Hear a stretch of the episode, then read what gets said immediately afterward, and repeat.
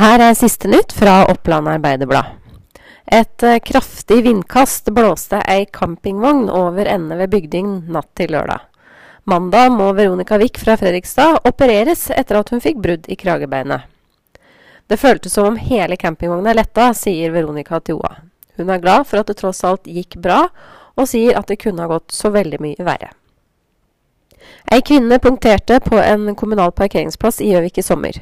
Kvinnen krever nå at kommunen betaler kostnadene ved bilberging og skifte av to dekk på bilen. Kommunen avviser kvinnens krav. Flere reagerer på de foreslåtte byggehøydene på blokkene som er planlagt i Farverikvartalet i Gjøvik. To av de fire blokkene er foreslått å ha ti etasjer. Både fylkesutvalget og reiselivsorganisasjonen Visit Innlandet er skeptiske. Reinsvolldammen er for andre gang forsøkt tettet igjen. Brannvesenet i Vestre Toten rykket seint lørdag kveld ut for å fjerne plankene. Da plankene ble fjerna, så brannvesenet at vannstanden på dammen begynte å synke. Sist dette skjedde, var det oversvømmelser ned i kjellerne på huset som ligger i nærheten. Opplyser innsatsleder Trond Granlund til OA.